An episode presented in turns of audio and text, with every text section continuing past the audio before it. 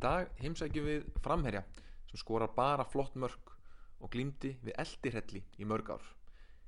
Við heimsækjum líka skallaörnin frá Genua sem er vinsall í Crystal Palace og framherja sem að kunni þá gömlu og næstu því útdauðurlist að sóla markverðin í staðin fyrir að skjóta. Ég heiti Björn Már Ólásson og þú ert að hlusta á podcastið Ítalski boltinn.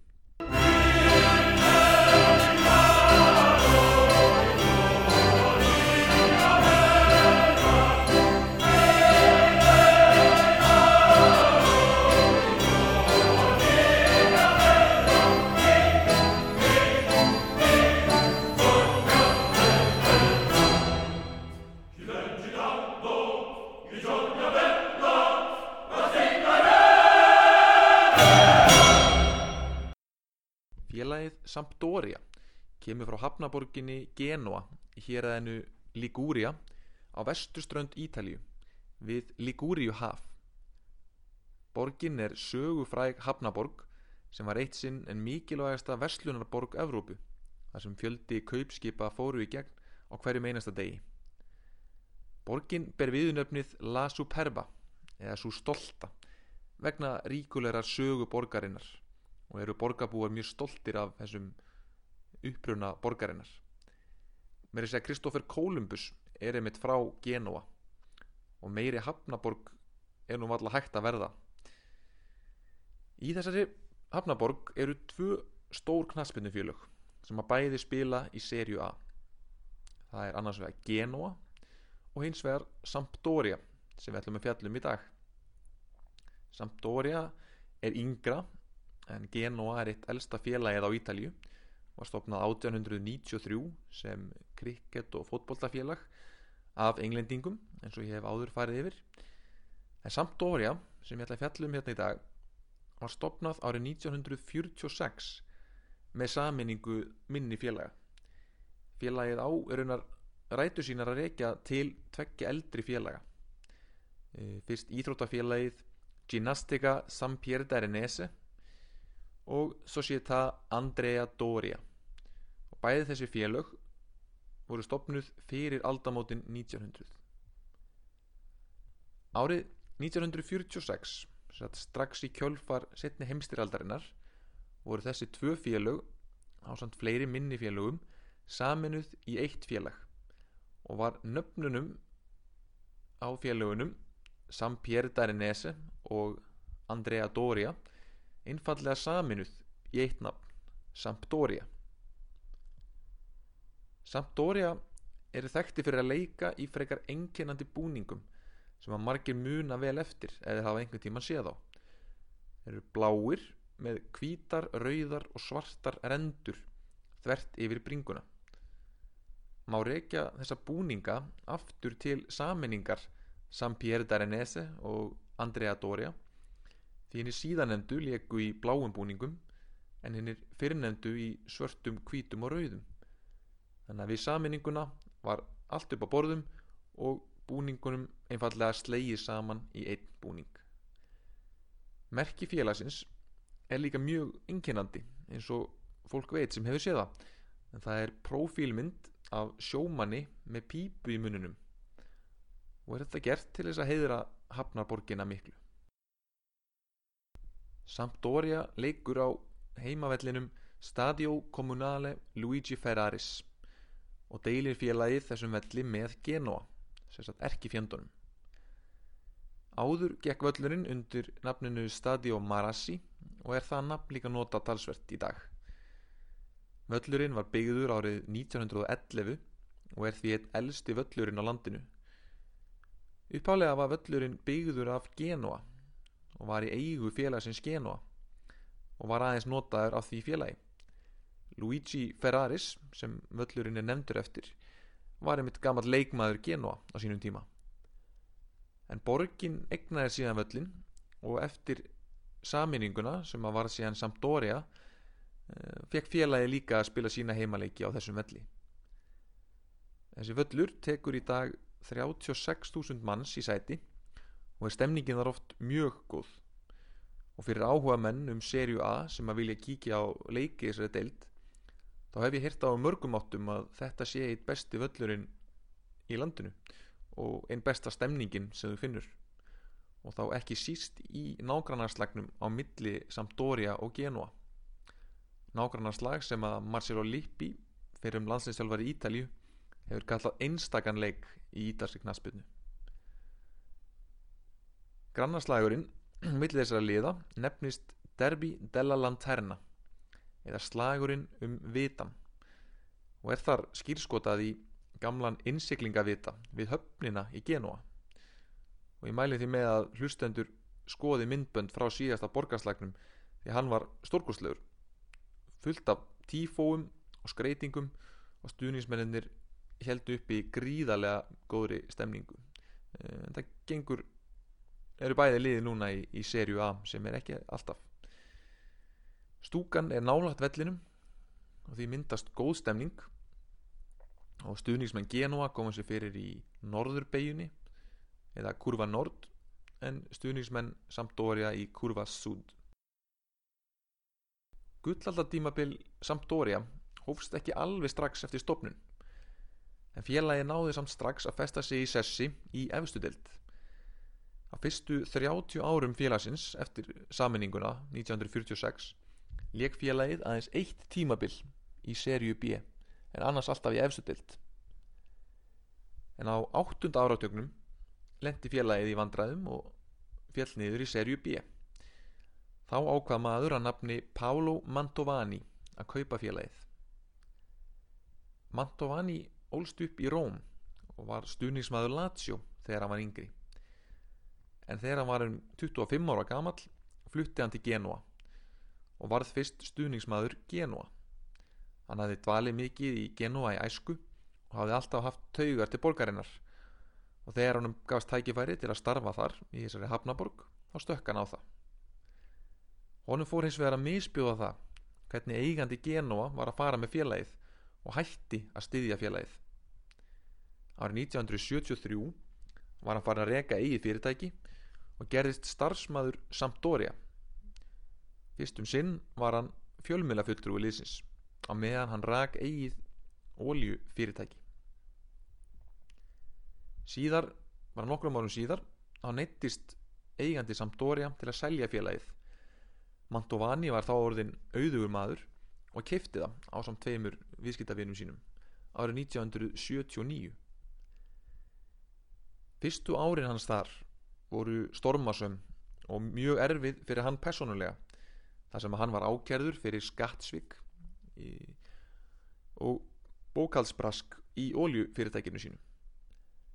Rannsóknin á honum tók sinn toll og hann vektist ítla en hann var síðan síknaður af öllum ákjærum og ákvaða að selja óljufyrirtækið og bara innbytta sér að því að stýra Sampdoria. Og það átti eftir að reynast góð ákvörun fyrir félagið vegna þess að þarna hófst gullaldur félagsins. Hann hafði þann eiginleika framöður aðra eigendur knasputnufélaga á þessum tíma að hann var ekki að nota félagið til að bæta sína personulegu ímynd til þess í stjórnmálum eins og Berlusconi gerði með Mílan heldur var hann, hafði hann einfallega áhuga á því að gera Sampdoria eins gott og hægt var. Hann var stjórnandi af gamla skólunum og Gianluca Vialli sem hann leik með Sampdoria á þessum tíma hefur líst honum og samskiptum sínum við hann í bók sem hann skrifaði sem heitir The Italian Job og er auðvitað að mæla með þeirri bók fyrir alla áhuga mennum ítalska knaspinu sem Gianluca Vialli skrifar á samt bladamannum Gabriele Marcotti.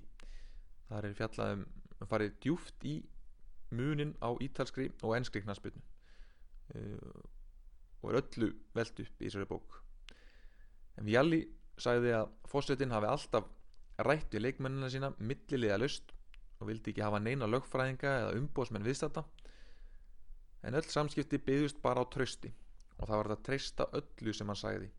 Jafnvel þótt að hann hafi Vialli sem var þá 19 ára gamall gerði samning við e, Mantovani og Sampdoria.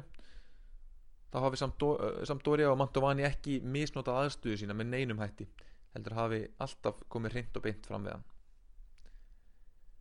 Mantovani tókst að koma liðinu upp í efsudeld og réð Pól Borea sem yfirmann íþróttamála á þessum tíma.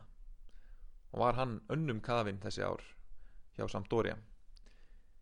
Leikmenn á borðið Gianluca Vialli Liam Brady Trevor Francis og Graham Souness voru feignir til félagsins. Og á þessum tíma var ítalska deildin svo ríkasta í heiminum og laðaði að sér bestu leikmennina þjálfari Sampdoria á nýjunda áratögnum fyrst var Renzo Ulivieri og hann kom liðinu upp í efstu deild. Árið 1985 vann liðið fyrsta stóra titilinn ítalska byggarinn árið 1986 var síðan Júkoslavin Vujadin Boskov ráðinn þjálfari liðsins. Þessi Boskov átti mjög aðeinsverðan feril og er hann gríðilega vinsall á Ítalíu fyrir léttlindi sitt í viðtölum og mikinn húmor. Boskov spilaði lengst af knasputnu í heimalandinu í Júkoslavíu en hann leik líka nokkara leiki með Sampdoria árið 1962 síðan fór hann aftur heim til sín og hóf þjálfaraferil sinn í heimalandinu með liðinu FK Vojvodina og vann deildina sem þjálfari þeirra þá tók hann við Feyenoord í Hollandi og síðan Real Saragossa. Þar gekk Bosko svo vel að hann fekk að spreita sig á sjálfu konungsliðinu Real Madrid þar sem hann vann tvennuna deildatitill og byggar árið 1980 síðan tók hann við Sporting Gijón. Það segir talsvert mikið um stöðu ítalska boltans á þessum tíma að þrátt verið þessa frábæru ferilskrá Boskovs fekk hann enga þjálfarastöðu hjá toppliði á Ítalju tótt hann hafi áður þjálfað Real Madrid. Heldur þurft hann að taka við smáliðinu Ascoli áður hann fekk tækifærið með Sampdoria árið 1986 og undir hans stjórn náði félagið hæstu hæðum. Árið 1988 kom Sampdoria undir hans stjórn í úrslitin í Coppa Italia ítalska byggarnum þar sem liði mætti Torino Rimmutar tvær í úrslitunum voru hörkuspennandi og lauk þeim eftir framleggingu þannig að Sampdoria varð mestari árið eftir árið 1989 unnuði svo ítalska byggarinn aftur. Í þetta skipti eftir sigur á Napoli í úslitum þetta var ekkit hvaða Napoli lið sem er heldur Napoli Diego Armando Maradonas. Árið 1990 vann Sampdoria svo Evropakeppni byggarhafa eftir sigur á Anderlecht í úslitum líka í framleggingu en árið síðar náði gullaldar tímabil félagsins svo hæstu hæðum. Árið 1991 vann félagið nefnilega sinn fyrsta og einasta Scudetto eða ítalska deildarmestratitil liðið vann deildina fimm stigum á undan Inder sem endaði öðru sæti. Liðin mættust í mikilvægum leik örfáum umferðum fyrir lók tímabilsins. Sampdoria fór sigrandi út úr þeirri rimmu 2-0 eftir að Gianluca Pagliuca markverður Sampdoria hafði varið vítaspilnu frá Lothar Matthäus í stöðunni 1-0 og annars varið eins og berserkur þar sem eftirliði leiks. Með þeim leik var títillin raun og, raun og veru treyður en síðasti naglin í kistuna var heima sigur á Lecce 3-0 í síðustu umferðinni Á miðjunni hjá Lecce þeim leik spilaði ungur maður að nafni Antonio Conte. Hann fikk raukt spjald eftir hálftíma leik. En árið eftir, þess að árið 1992, kom Sampdoria svo í úrslitakeppni Evrópikeppninar. Anstæðingarnir í úrslitunum voru þið ógnasterka Barcelona undir stjórn Jóhanns Cruyffs og fór leikurinn fram á Wembley. Mikael Laudrup, Ronald Koeman Hristo Stoikov og Pep Guardiola. Þetta Barcelona lið var stútfullt á stjörnum á þessum tíma. Og í ústaleiknum tókst hvoru liðinu að skora þrátt fyrir að bæði Vialli hjá Sampdoria og Stoikov hjá Barcelona hafi fengið færi. Sampdoria menn voru alveg viljuði til þess að enda þetta bara í vítaspinninkeppni þar sem Gianluca Pagliuca var alræmdur vítabanni. En 8 mínútum fyrir lok framleggingarinnar skoraði Ronald Koeman úr treytmark aukarspilnu hamraði boltanum inn og gerði þar með út um drauma samt Dóri Amanna Eftir þetta fór loftið raun og veru úr Sampdoria hægt og rólega. Roberto Mancini sem hafi verið einn aðal drivkraftur liðsins helt áfram að spila með þeim en Pagliuca fór til Inter og Vialli fór til Juventus. Liðið var orðið talsveit gamall og enduníinin gekk ekki alveg nógu vel. Boskov hætti sem þjálfari Sampdoria árið 1992 og fór þá til Róma. Þar gaf hann ungum og efnilegum leikmanni að nafni Francesco Totti sinn fyrsta leik í serju A í mars árið 1993. Boskov sneri síðan aftur til Sampdoria eitt tímabill og þjálfaði líka Napoli um tíma en hann náði aldrei aftur sömu hæðum. Paolo Mantovani, fósetti liðsins á guttalda tímabilinu, lést árið 1993 og var það ekki til að bæta stöðu liðsins. Enrico Mantovani, sonur Pálos, tók þá við. Góði leikmenn voru keiftir og peningum var eitt, en árangurinn leta á sér standa. Leikmenn á borðið Enrico Chiesa, sem áður hefur verið fjallaðum í þessum þáttum, Juan Sebastián Verón, Rúd Hullit og Clarence Seedorf voru til dæmis keiftir til liðsins á þessu tímabili. En eini títillin sem vannst var byggarinn árið 1994 þegar Rúd Hullit skoraði sigurmarkið í úslutunum gegn einmitt AC Milan. Á þessum árum þjálfaði Svenjuran Eriksson samt Dória og í setni þætti mun ég öruglega fjalla betur um dvöl Erikssons á Ítalju. En við rennum kannski aðeins yfir líðið hjá Sampdoria á þessu tímabili. Það var varnalínan hjá þeim þegar líðið var upp á sitt besta þá inni heldur hún miðvörðin Pietro Wirkowood sem hefur áður verið nefndur í þessum þáttum. Pietro Wirkowood sem kom til Sampdoria frá Róma var sonur úkrænisks Hermanns og bar þess vegna viðigandi viðunefni Tsarin vegna þessa ættartengsla hans og vegna þess að hann var stór og sterkbyggður eins og hermaður. Hann var sterkur og eldsnöggur og skoraði talsveit af mörgum. Hann spilaði næstum 400 leiki með Sampdoria áður hann að fóð síðan til Juventus og AC Milan. Hann spilaði þar uh, og að lokum spilaði hann í serju A þar til hann varð 41 á skamall og vann á ferðlilum tvo deildamestratitla og fjölda byggamestarartitla Maradona lísti Wirkovot sem sínum erfiðasta anstæðingi allra tíma. Skulum bara gefa Maradona orðið hérna. Wirkovot var skrimsli hann var með vöðva allstaðar með þessi auglókunum það var kannski auðvelt að lappa fram hjá honum en þegar ég let aftur í átt á markinu og ætlaði að leggja stað þá var hann aftur mættu fyrir fram að mig. Ég veist að fara fram hjá honum þrísvar eða fjórun sinnum en þá var ég komið svo mikið ógi að því að mætunum að ég gaf boltan bara á næsta mann saði Maradona eitt sinn í viðtali þegar hann var beðin um að lýsa Wirkovot og Gary Lineker sá knái fram meiri hafði svipuð orð um Wirkovot að segja. Þetta er harðasti miðvörður sem ég hef mætt saði Lineker. Fyrir aftan varnalínuna á Wirkovot var markvörðurinn Gianluca Pagliuca margi muni eftir þessum leikmanni frá HM 1994 þegar hann kom óvænt inn í lið, lið Ítalju í stað Angelo Peruzzi og átti frábært mót. Paljúka var stór og sterkur mikið þygt dögt hár og var mikill personuleiki eins og markmenn þurfu ofta að vera.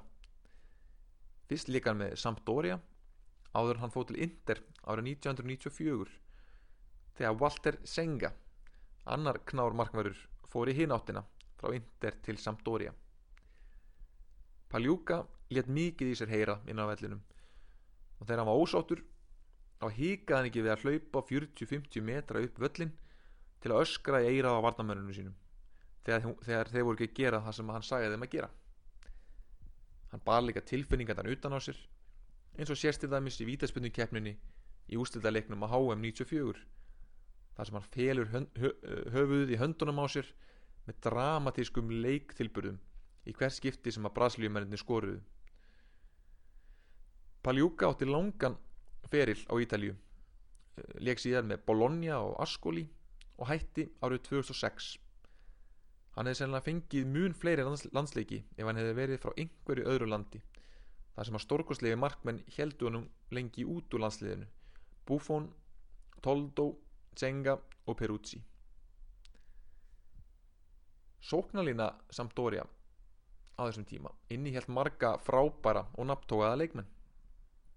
Vialli sá hann að skora mörkin og leiknum stjórnuðu þeir Roberto Mancini í treyu nr. 10 og brasilíski leikstjórnandin Toninho Cerezo. Gianluca Vialli þar nú alltaf að kynna fyrir neinum en hann gerði síðar gardin frægan á Englandi með Chelsea hafa með frábært finnis eitt besti volli klárari sem heimurinn hefur séð á mínum mati. Skoraðan fjöldan allan af stórkoslegu mörgum af volli og hjólitaspilnur, skallamörg hafa með þetta allt saman. Þegar ég renni við myndbönd af mörgunum að sem ég allís á YouTube þá er líka nöðsynlegt að gera aðra á aðtöðasemt hérna í þessu podcasti.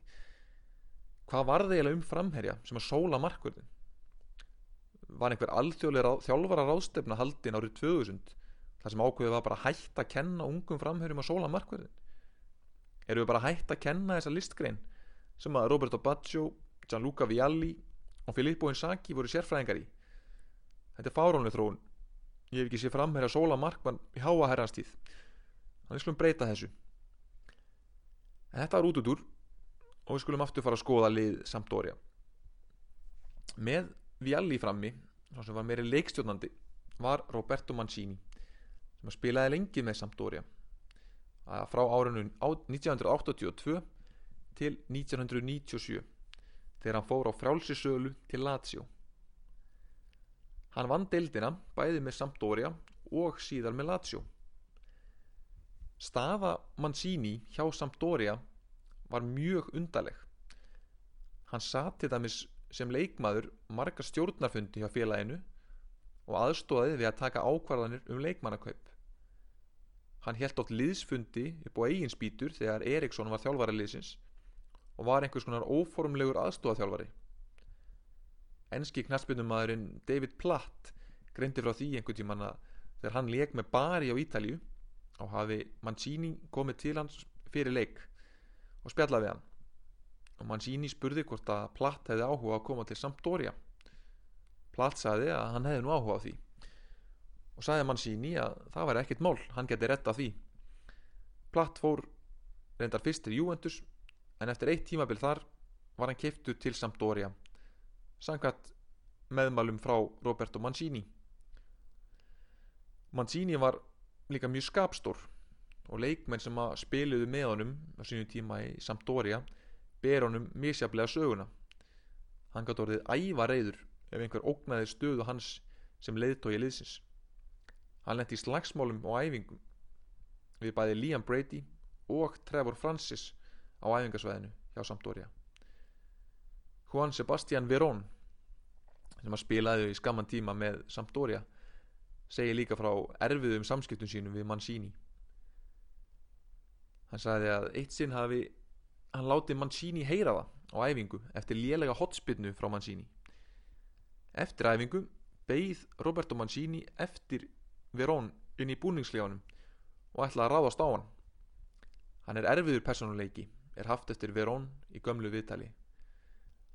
Mancini sem að þetta síðan var þjálfari Manchester City í Inter uh, hann varð fyrst aðstúarmadur Svenjuran Erikssons hjá Lazio áður en hann var síðan aðarþjálfari Lazio og þjálfaraferillans fór á flug.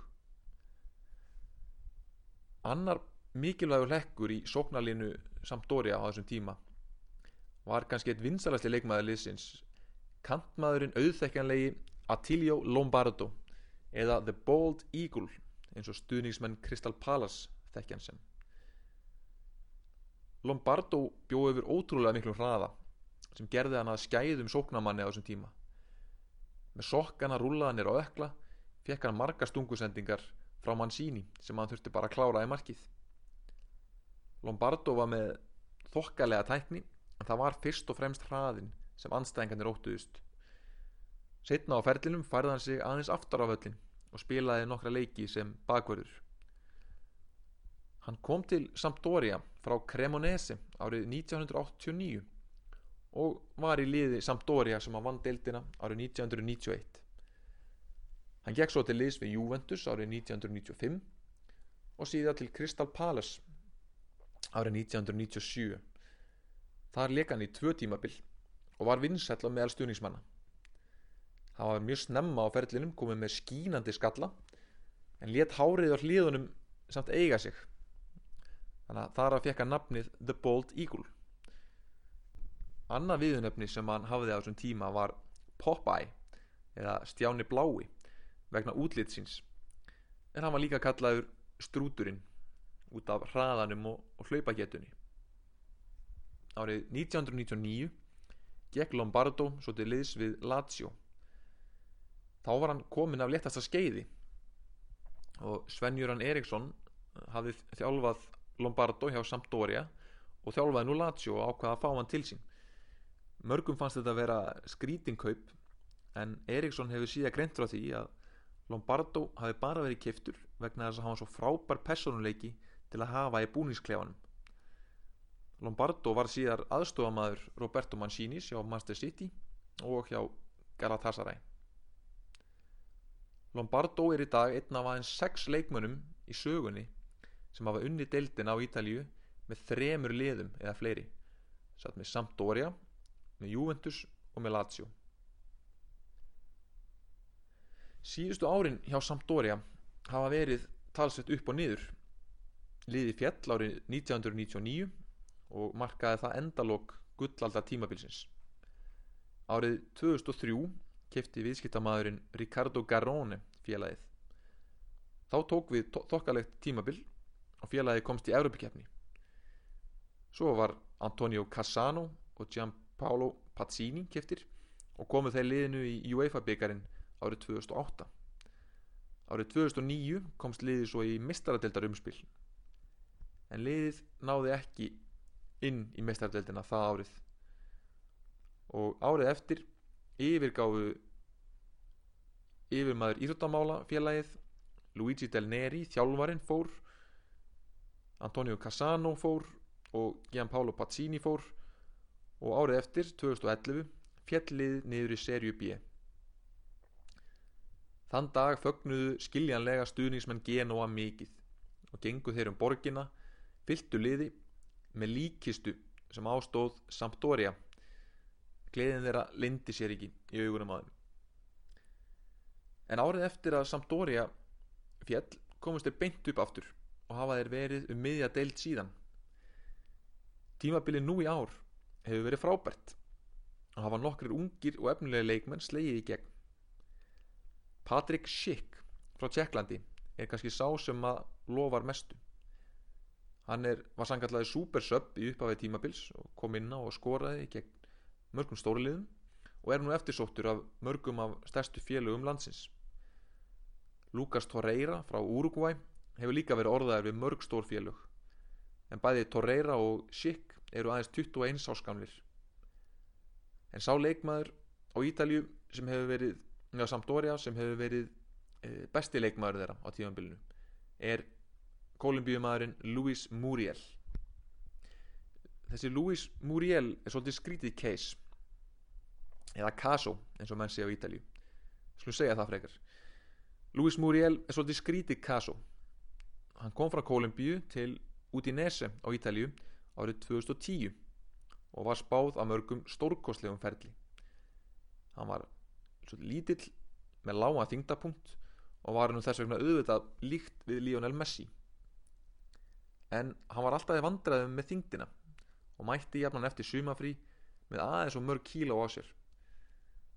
Hann var lánaður til eh, Granada á Spáni og til Lecce á Ítalju en tókst ekki að slá almennilega í gegn þótt hann hafi sínt stórkostlega takta inn á milli.